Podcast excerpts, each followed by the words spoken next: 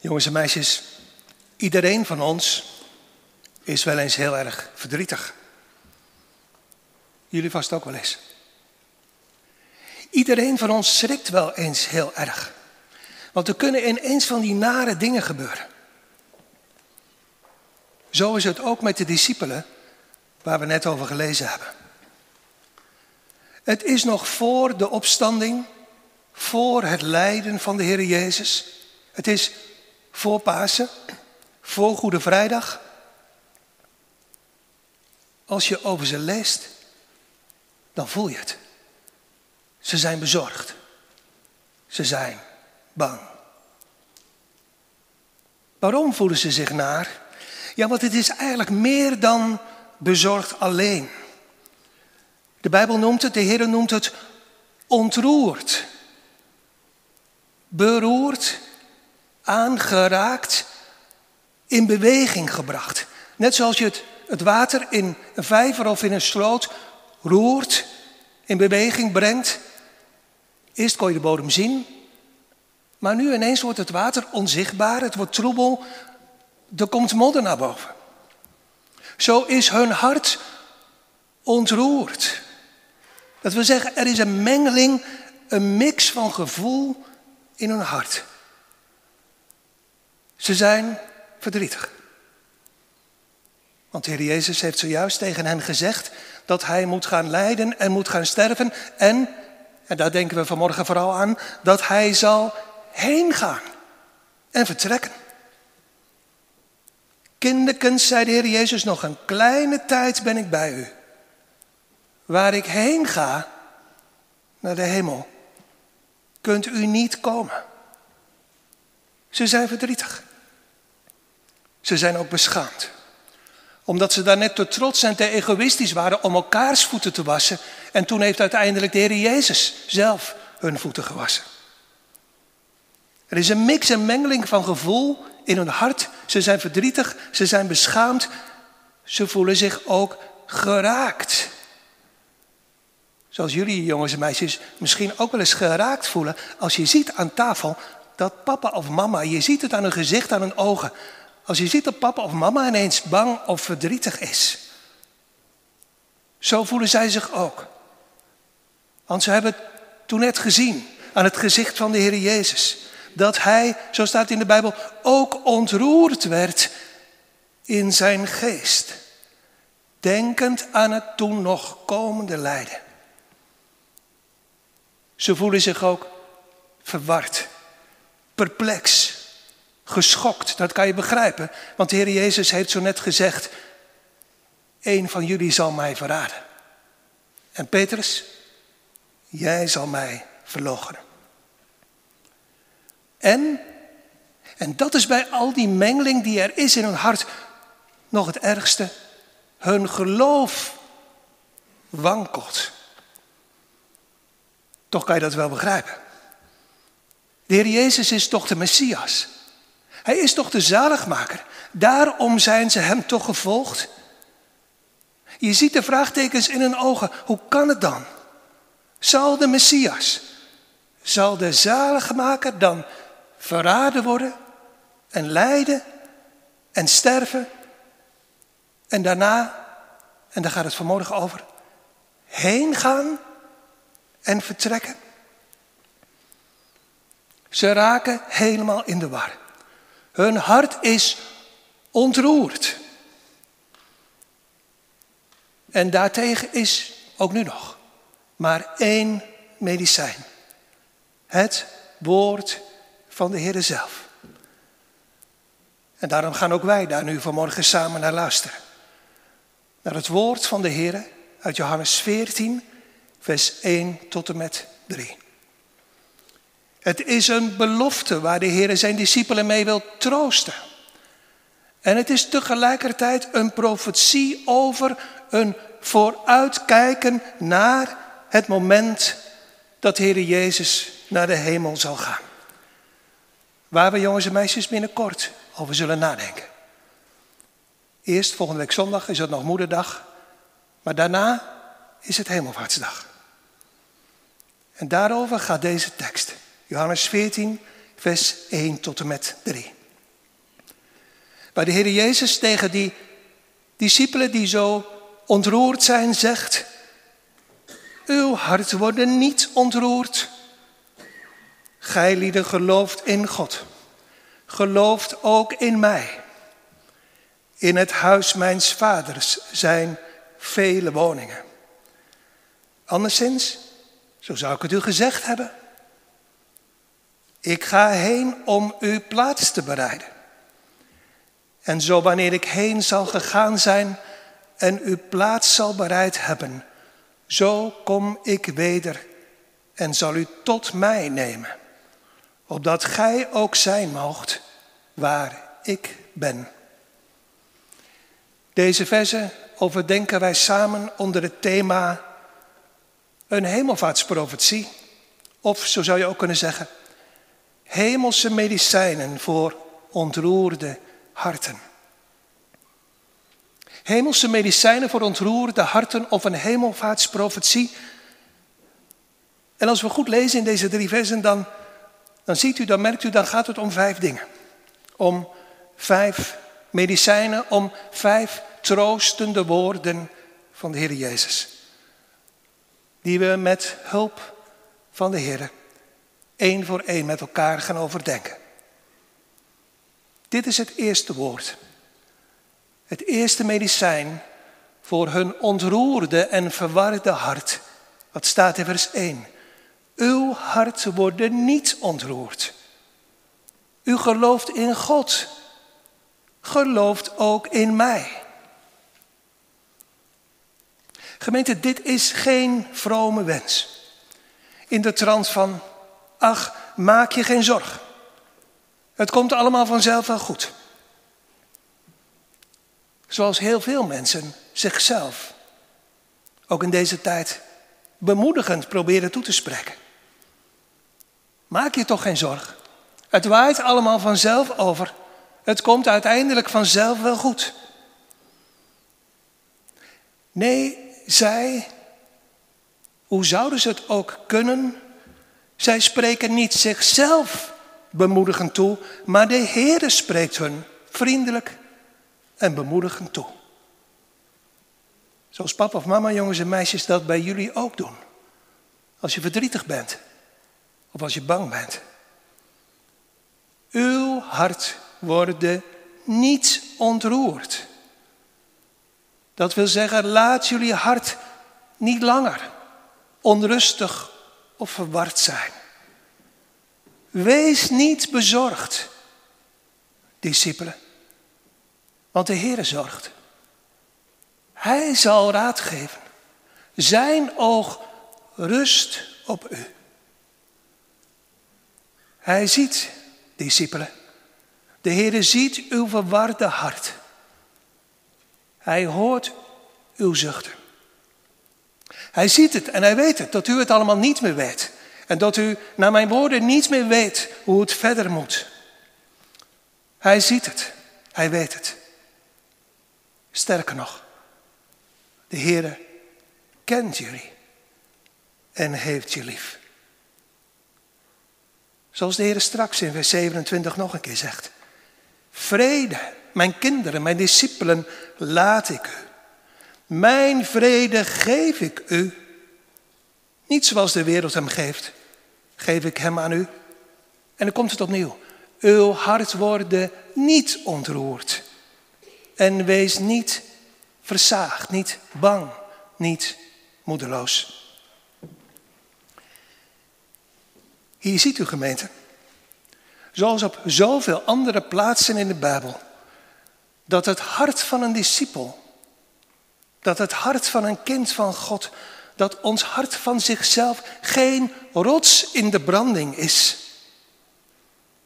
Het kan zo ontroerd, zo verward, zo paniekerig zijn, zo verdrietig, zo ontroostbaar, zo vol van twijfel en aanvechting, zo vol van stille vragen.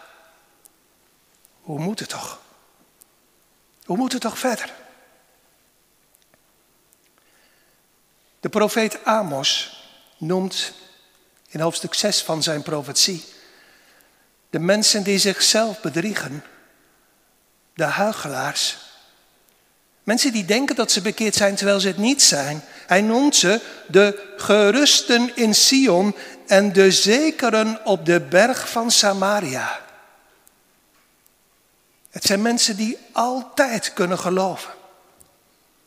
Nooit strijd, nooit twijfel, nooit aanvechting, nooit nood. Ze zijn altijd, zegt Amos, gerust en zeker. Ze hebben, zoals Asaf zegt in Psalm 73, geen banden tot hun dood toe. Maar de echte discipelen, de echte volgelingen van Jezus, zijn anders. Hun hart kan zo vaak verward zijn. Zoals hier nog voor het aanstaande lijden. En zoals straks ook na zijn opstanding. Maar ze hebben zo'n lieve en zorgzame meester. Die tegen hem persoonlijk zegt, uw hart wordt niet ontroerd. U gelooft in God. Geloof ook in mij. Laat uw hart, dat staat er eigenlijk, laat uw hart niet langer ontroerd blijven. Dat zegt de Heer ook vanmorgen tegen u. Thuis, hier in de kerk, mede-discipelen, geliefde mede-christenen, wankelend, bezorgd, vol van twijfel en strijd. Het is de Heer die tegen u zegt, laat uw hart niet langer ontroerd blijven. U gelooft in God. Of, zo zou je ook kunnen lezen, blijf geloven. Blijf vertrouwen op God. Denk maar aan de dichter van Psalm 42. Wat bent u onrustig, o ziel? Hoop op God. Richt uw verwarde en verduisterde oog toch op God, die krachtig bevonden is, een hulp in benauwdheid. Een toevlucht en sterkte in de dag der benauwdheid. U gelooft in God. Gelooft ook in mij. God is de onzichtbare. De Heere God, jongens en meisjes, kan je nooit met je eigen ogen zien. Dus wat zegt de Heer eigenlijk? Discipelen, jullie geloven in de onzichtbare God in de hemel. Je weet het, je gelooft het, je vertrouwt het. De Heer zorgt. Zijn oog rust op jullie. Geloof dan ook, zegt de Heer Jezus, in mij. Ook als ik zo meteen heen ga. Als ik zo meteen vertrek. En jullie mij voor een tijdje niet meer zullen zien. Leer, daar gaat het hier om. Leer geloven, discipelen. Ook discipelen thuis en hier in de kerk. Leer geloven. Ook al zie je de liefde op mijn gezicht niet meer. Lees dan toch door mijn woorden de liefde in mijn hart. Geloof, vertrouw. Geef je met al je ellende en schuld en twijfel en ongeloof aan mij over. Verlaat u op mij. Steun op mij. Houd, terwijl u niets hebt van uzelf, houd uzelf vast aan God en aan mij, aan Christus. En zeg met de dichter, ik steun op God mijn toeverlaat. Dus heb ik niets te vrezen. Dat is het eerste woord. Het eerste medicijn voor hun ontroerde hart. Nu het tweede medicijn, wat daarachter staat. In het huis mijns vaders zijn vele woningen. Anderszins, zo zou ik het u gezegd hebben. In het huis van mijn vader. Dat wil zeggen, in de hemel. Het is, jongens en meisjes, alsof de Heer aan zijn discipelen in al de onrust en verwardheid van hun hart een soort van verrekijker geeft. De verrekijker van het geloof. Waardoor een kind van God kan kijken naar, zoals de Bijbel dat noemt, naar een ver gelegen land. Hier Petrus en Johannes, jij ook. Thomas, jij ook. Pak eens aan die verrekijker van het geloof en kijk eens met ogen van geloof. Ja, ik weet het. Tranen van verwarring en van verdriet en zorg maken dat kijken door een verrekijker moeilijk. Maar toch, kijk eens. Door die verrekijker. Nee, verder omhoog. Omhoog naar het huis van mijn vader. Soms gemeente heet de hemel in de Bijbel een land. Een vergelegen land. Soms een stad. De stad die fundamenten heeft. Soms een koninkrijk. Het koninkrijk der hemelen. Soms het paradijs. Het hemelse paradijs. Maar hier noemt de Heer de hemel het huis van mijn vader. Een permanent thuis. Want jongens en meisjes, dat is het vooruitzicht van een kind van de Heer. Als je de Heer dient en lief hebt. Als je een nieuw hart van de Heer gekregen hebt. Als je arm bent van geest. Als je hongert en dorst naar de gerechtigheid van de Heer Jezus Christus. Als uw ziel, zoals de dichter zegt van Psalm 119, bezweken is van verlangen naar God. Als u voor al uw zonden en de vergeving daarvan alleen vertrouwt op het bloed van de Heer Jezus. Dan laat de Heer je en u ook vanmorgen meekijken door die verrekijker van het geloof naar dat hemelse huis. Je kijkt van ver. Het is ook nog niet zo ver. Maar als de Heer de genade geeft, dan mag je er iets van zien en geloven. Dat. Dat is de troost in deze woorden van de Heer Jezus. Dat is niet alleen mijn toekomst, maar ook uw toekomst. Een huis. Een huis dat is een plaats waar je elkaar als het goed is, tenminste, lief hebt. Waar anderen van je houden. Waar niemand je ooit vergeet. Waar je altijd welkom bent. Dat is thuis. Een huis, en ik denk terug aan de preek van twee weken geleden, blijft ook staan. Een huis staat als een huis. Wij hebben hier geen blijvende stad. Ons lichaam is een tabernakel, een tent die afgebroken wordt. En als je ziek bent of als je oud bent, voel je dat meer dan ooit. Maar een kind van God is op reis naar huis. We zijn op reis, geliefde mede-christenen, naar het huis van onze Vader. Niet met handen gemaakt, maar eeuwig in de hemel. En zegt de Heer Jezus, in dat huis zijn vele woningen. Het is niet zo, als je denkt aan deze beeldspraak, dat iedereen daar in de hemel voor zichzelf een eigen huis heeft. Iedereen apart, lekker op zichzelf, alleen genietend.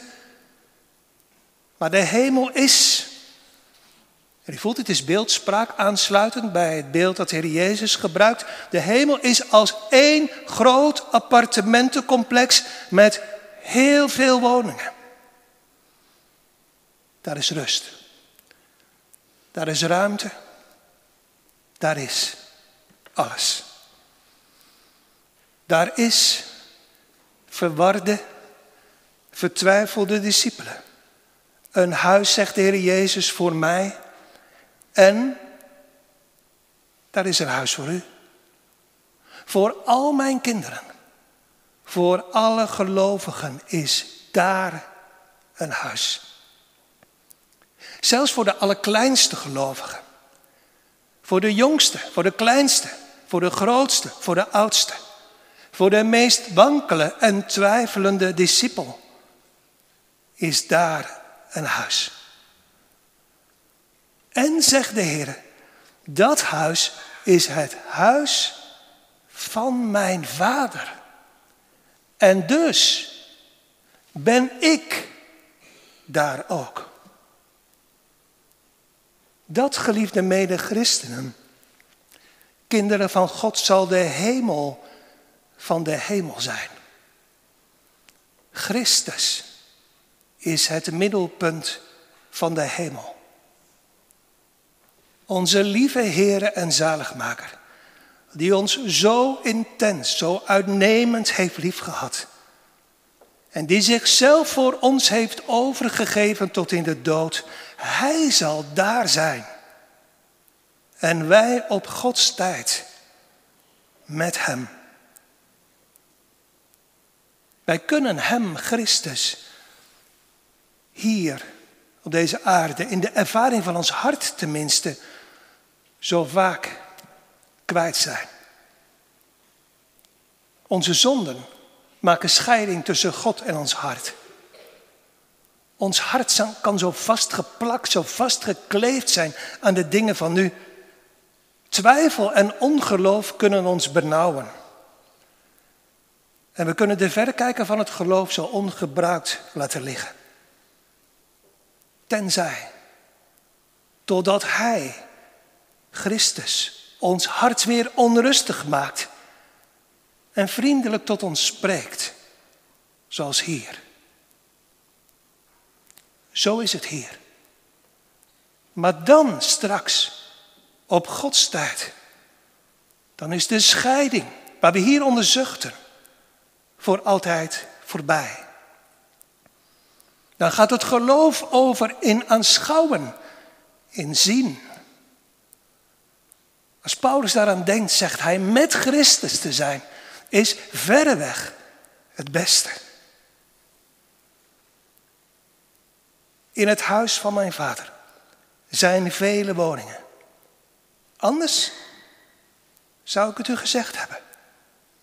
Met andere woorden, als het niet zo was, had ik het eerlijk tegen u gezegd.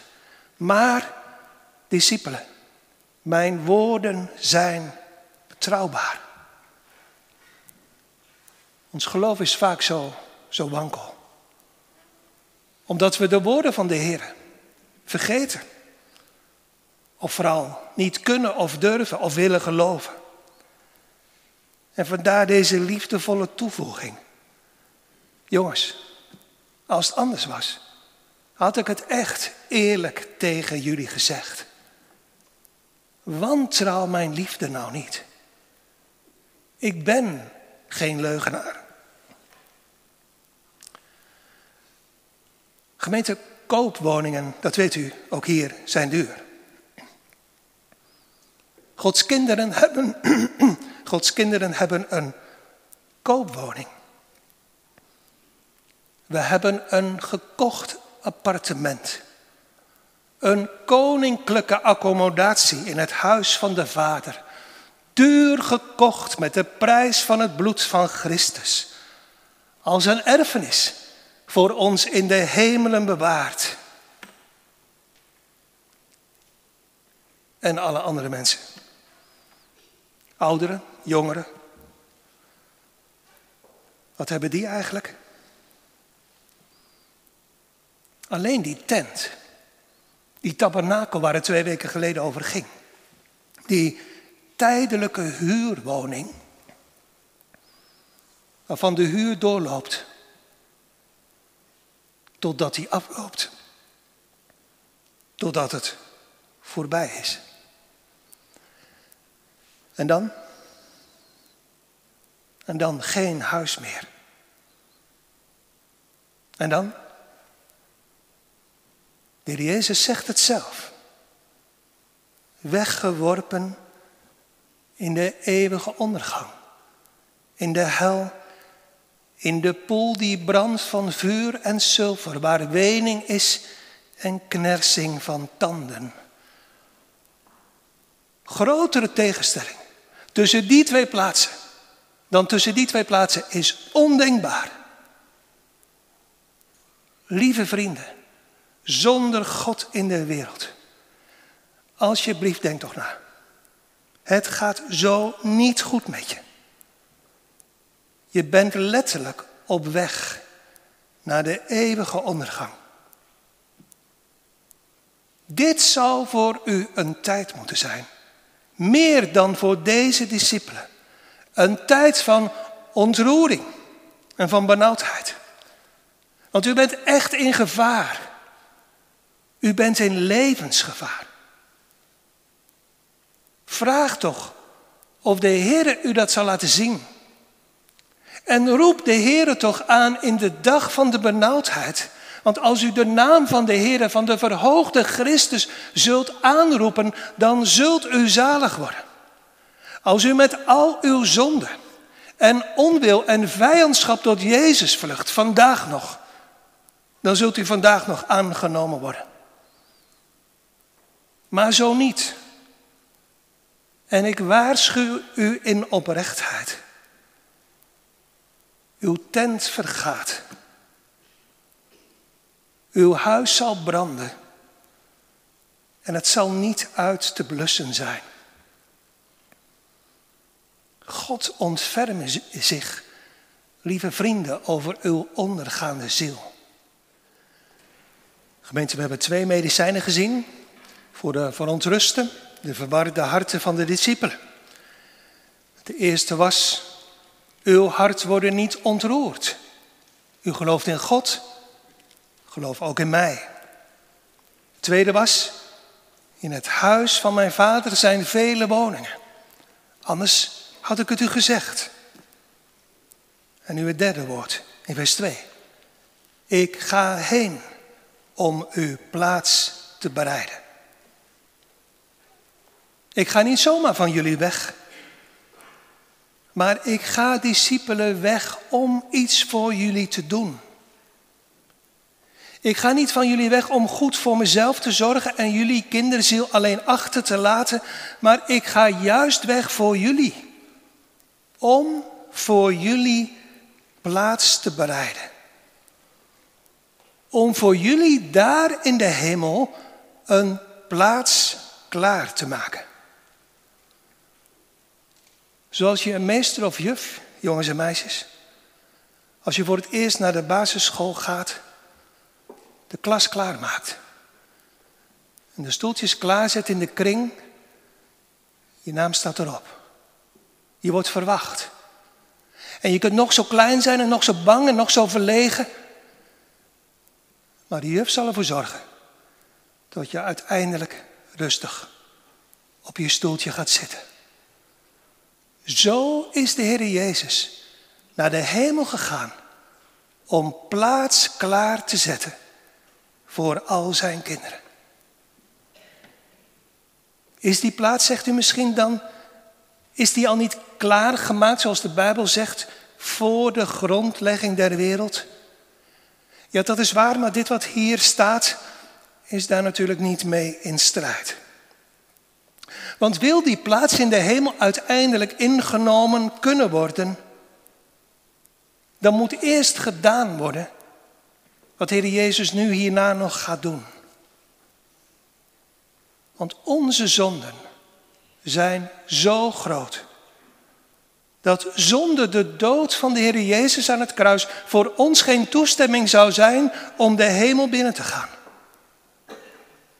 En zonder zijn hemelvaart zouden we ook geen recht hebben om het land van de hemel te betreden. Maar nu gaat hij als eerste voor hen, voor zijn discipelen, door een weg die niemand van hen gaan kan. Een weg van bitter lijden, van sterven, van begraven worden, van opstaan en van de hemel binnengaan als eerste in plaats van en voor ons. Die zijn discipelen, die zijn kinderen door genade mogen zijn. Als we de verrekijker van het geloof nemen en vooruitkijken naar het huis van de Vader, dan kan dat niet zonder deze troost. Anders zouden we denken, zal ik met mijn zondige en ontrouwe hart daar ooit wel komen? Heb ik wel recht op een plaats in de hemel? Is daar straks ook wel een huis voor mij? Dit is de troost van Christus. Ik ben heen gegaan door lijden, dood en graf, door opstanding en hemelvaart als eerste, om zelf daar voor u, geliefde medechristenen, een plaats klaar te maken. Ik heb een huis gekocht voor u met de prijs van mijn kostbare bloed. Ik heb voor u het recht gekocht om daar binnen te mogen komen. Sterker nog, ik ben als de grote hoge priester met uw naam op mijn borst geschreven, het hemelse heiligdom binnengegaan. En dus zult u, mijn lieve kinderen, straks na uw dood de hemel ook binnengaan. En merken, als u uw ogen daar opslaat, ik ben hier niet onbekend. Ik kom hier, net zoals de stoeltjes klaarstaan in de klas. Ik kom hier niet onverwacht. Mijn komst is voorbereid. En in de tussenliggende tijd dat u hier op aarde bent, zal ik, zegt de Heer, ook uw hart klaarmaken door mijn Heilige Geest om daar straks te kunnen zijn in de aanwezigheid van de Heilige God. Daarom al die verdrukkingen, al die tegenspoed. Daarom al die ziekte en al die nood. Daarom dat verdriet. Daarom die beproevingen. Om u te heiligen. Om het uwe af te breken, opdat Christus een gestalte in u krijgt. Totdat het genoeg is. Dan haal ik u thuis. Hoe moet het straks met u? Nog een keer, lieve vrienden, met u. Die tot op de dag van vandaag, u weet het voor uzelf, geen recht hebt op een huis in de hemel. U spaart misschien door uw nette levenswandel van alles bij elkaar om een huurhuis, een huurprijs te betalen. Maar u vergist u. Het is een koopappartement. En de koopprijs is oneindig hoog. Is onbetaalbaar. Voor u tenminste. Maar niet voor Christus. En hij biedt de koopsom aan u aan. Letterlijk. Gratis en voor niets. Volledige betaling van al uw zonde en schuld. Nooit eerder is zo'n groot aanbod aan u gedaan. Als dat u nu opnieuw, zoals zo vaak vanaf deze plaats, wordt aangeboden. En mijn vraag aan u is, waarom hebt u tot nu toe de overeenkomst geweigerd. Ik bedoel deze overeenkomst. Een huis in de hemel zonder prijs. En een plaats bij Christus. Zoals Jezaja zegt, zonder geld. Ik moet eerlijk zeggen, ik kan het niet begrijpen. En ik wil het ook niet begrijpen. Hoewel ik het begrijp, als ik denk aan mijn eigen vroegere hart. Maar toch, genade wordt u aangeboden. Vergeving van schuld en een eeuwig leven bij God. En u wilt het niet. U zegt, houd het maar. U zegt tegen de Heer, aan de kennis van uw wegen heb ik geen lust. Kom, lieve mensen, verhard je toch niet, maar buig. Er is een gewillige zaligmaker die alles heeft en die alles aan u geven wil uit genade. Letterlijk, voor niets.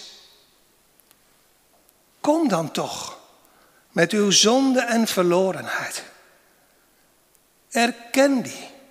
Beleid die op uw knieën voor God en vlucht tot Christus om redding en behoud.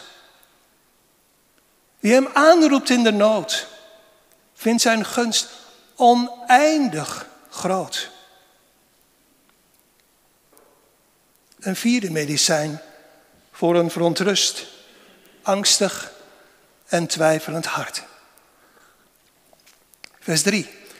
En zo wanneer ik heen zal gegaan zijn en uw plaats zal bereid hebben, zo kom ik weder. Zo kom ik terug. Zoveel als dat u mist, u die zonder God en Christus leeft. Zoveel heeft de Heer ons uit genade gegeven. In al de zwakheid van ons geloof in alle twijfel die er in ons binnenste kan zijn. In alle lijden en verdriet hebben we iets gekregen. Wat niemand van de wereld ons geven kon. En wat niemand van de wereld ons ook af kan nemen. Een enige, een unieke troost. In leven en straks in sterven. Namelijk deze. We hebben een getrouwe een betrouwbare zaligmaker. En hij is niet van ons weggegaan om nooit meer terug te komen.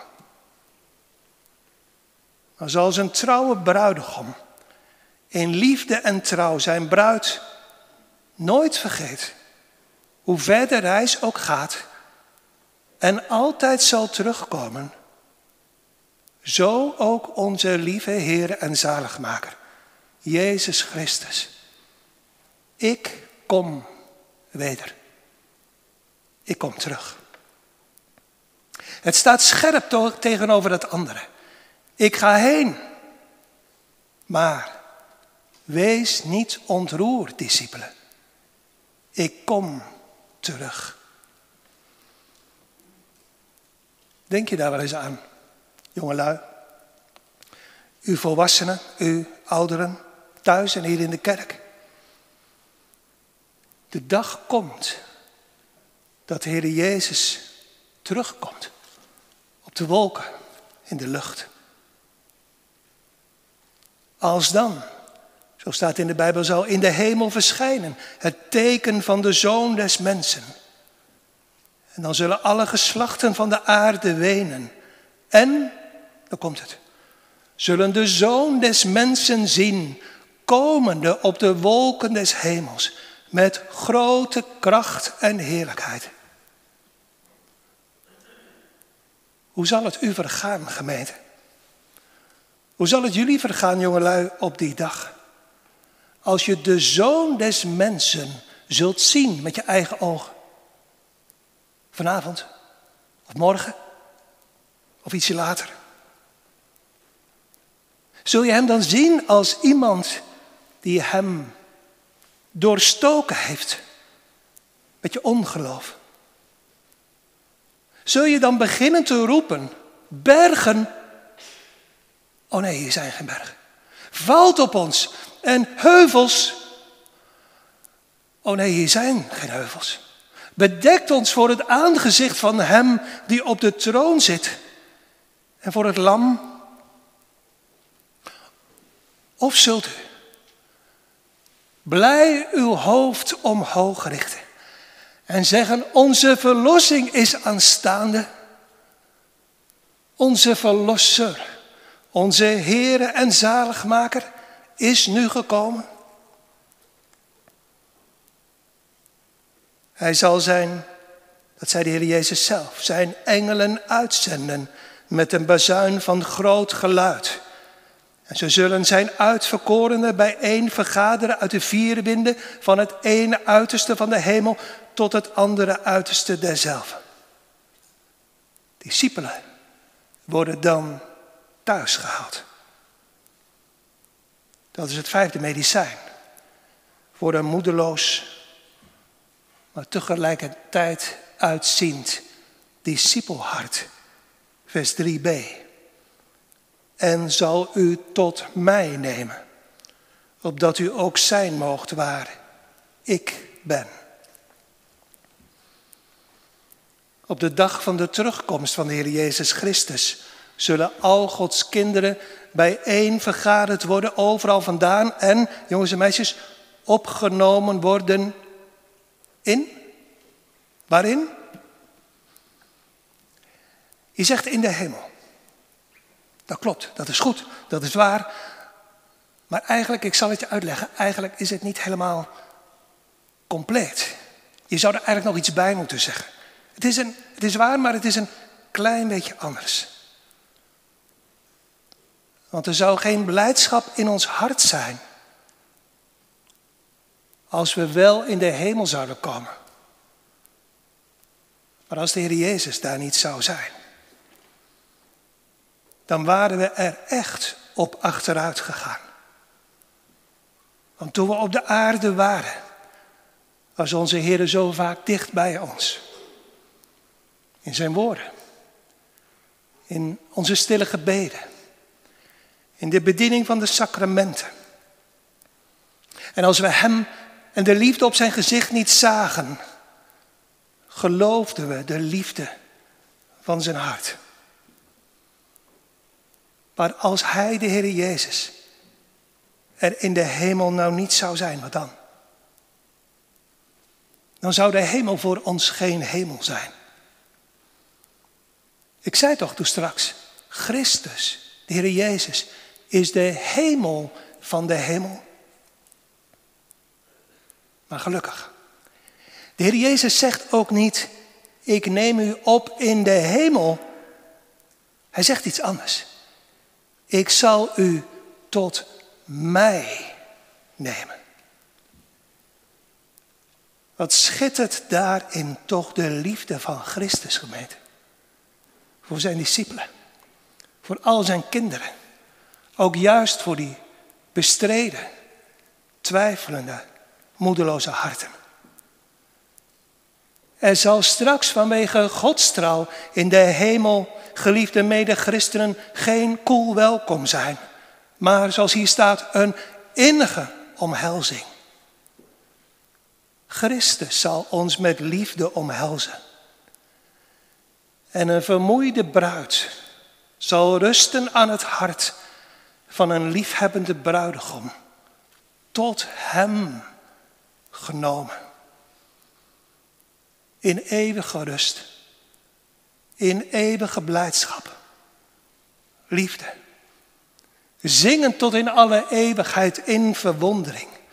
U, o mijn liefste, bent blank in uw heiligheid rood in uw bloed. En u draagt als koning de banier boven tienduizend.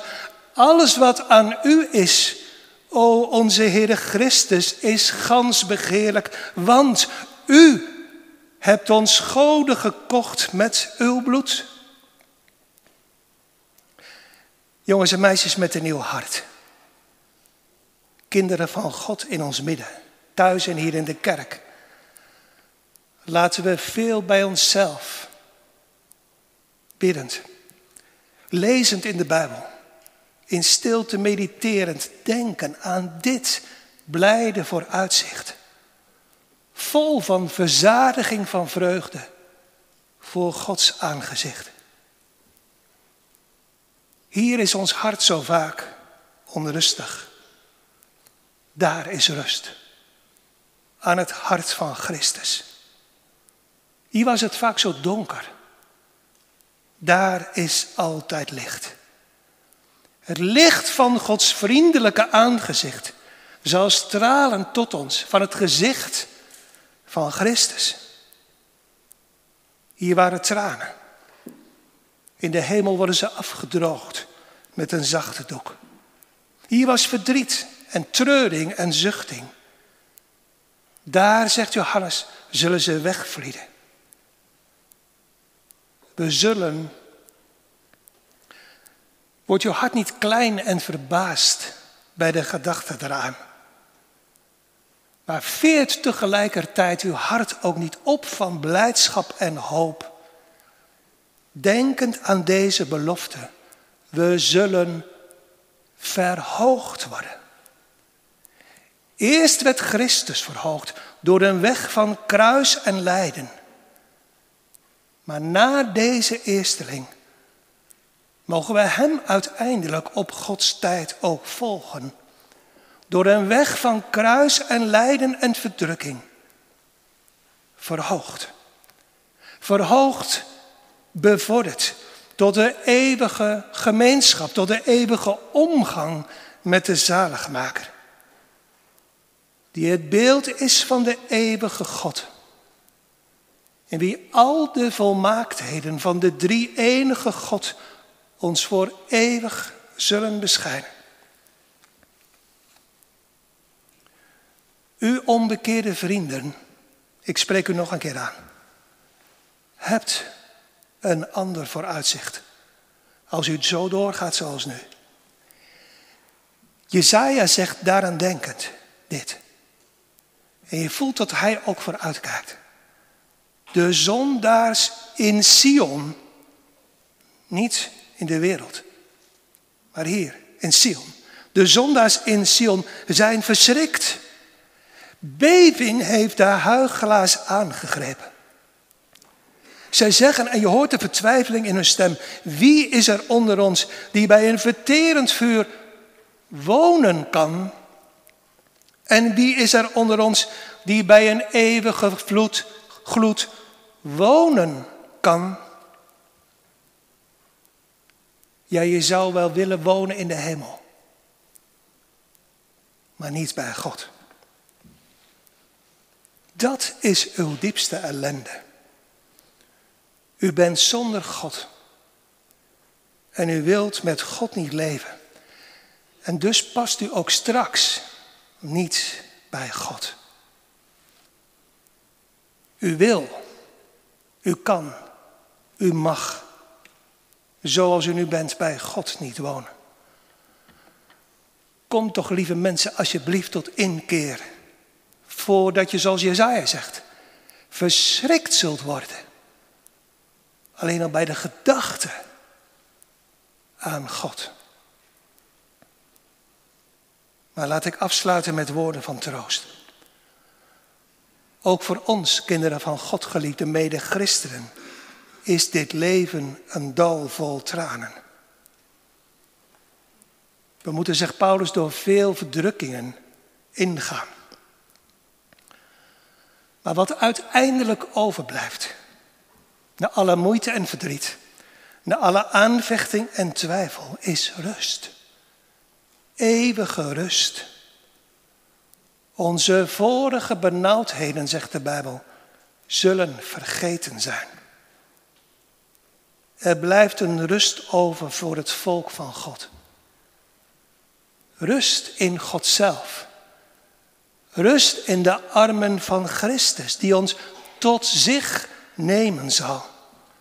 De schapen zullen voor eeuwig rusten. En ook de kleine lammetjes in de armen van de goede en getrouwe herder.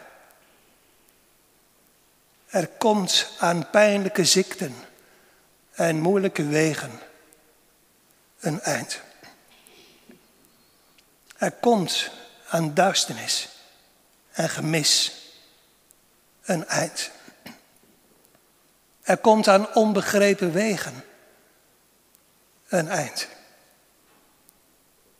Er komt aan onze zonden, onze ontrouw, ons ongeloof, onze twijfel een eind. En dat einde is Christus. Hij zelf en God in hem. Die met onze laatste zucht op deze aarde, ook tegen ons, die in ons hart net zulke grote moordenaars zijn als dat een moordenaar was aan het kruis, die ook tegen ons zal zeggen, heden zult u met mij in het paradijs zijn. Jullie hart, jongens en meisjes, jongelui, die de Heer lief hebben en dienen. Uw hart, geliefde mede-christenen, worden niet ontroerd. Deze uitkomst van ons leven staat vast. Want als er één gebed verhoord is, zoals al de gebeden van de Heer Jezus Christus verhoord zijn, is het ook dit gebed als laatste. Vader, ik wil. Met andere woorden, dat is mijn diepste wens, mijn diepste verlangen. Dat waar ik ben, ook die bij mij zijn die u mij gegeven hebt. Opdat zij mijn heerlijkheid mogen aanschouwen. Dat is de hemel van de hemel. Het zien, het aanschouwen van de heerlijkheid van Christus. Opdat zij mijn heerlijkheid mogen aanschouwen, die u mij gegeven hebt. Want u hebt mij lief gehad voor de grondlegging der wereld. Het komt nu en straks, maar op één ding aan, geliefde gemeente. Of u in Christus bent of niet. Amen.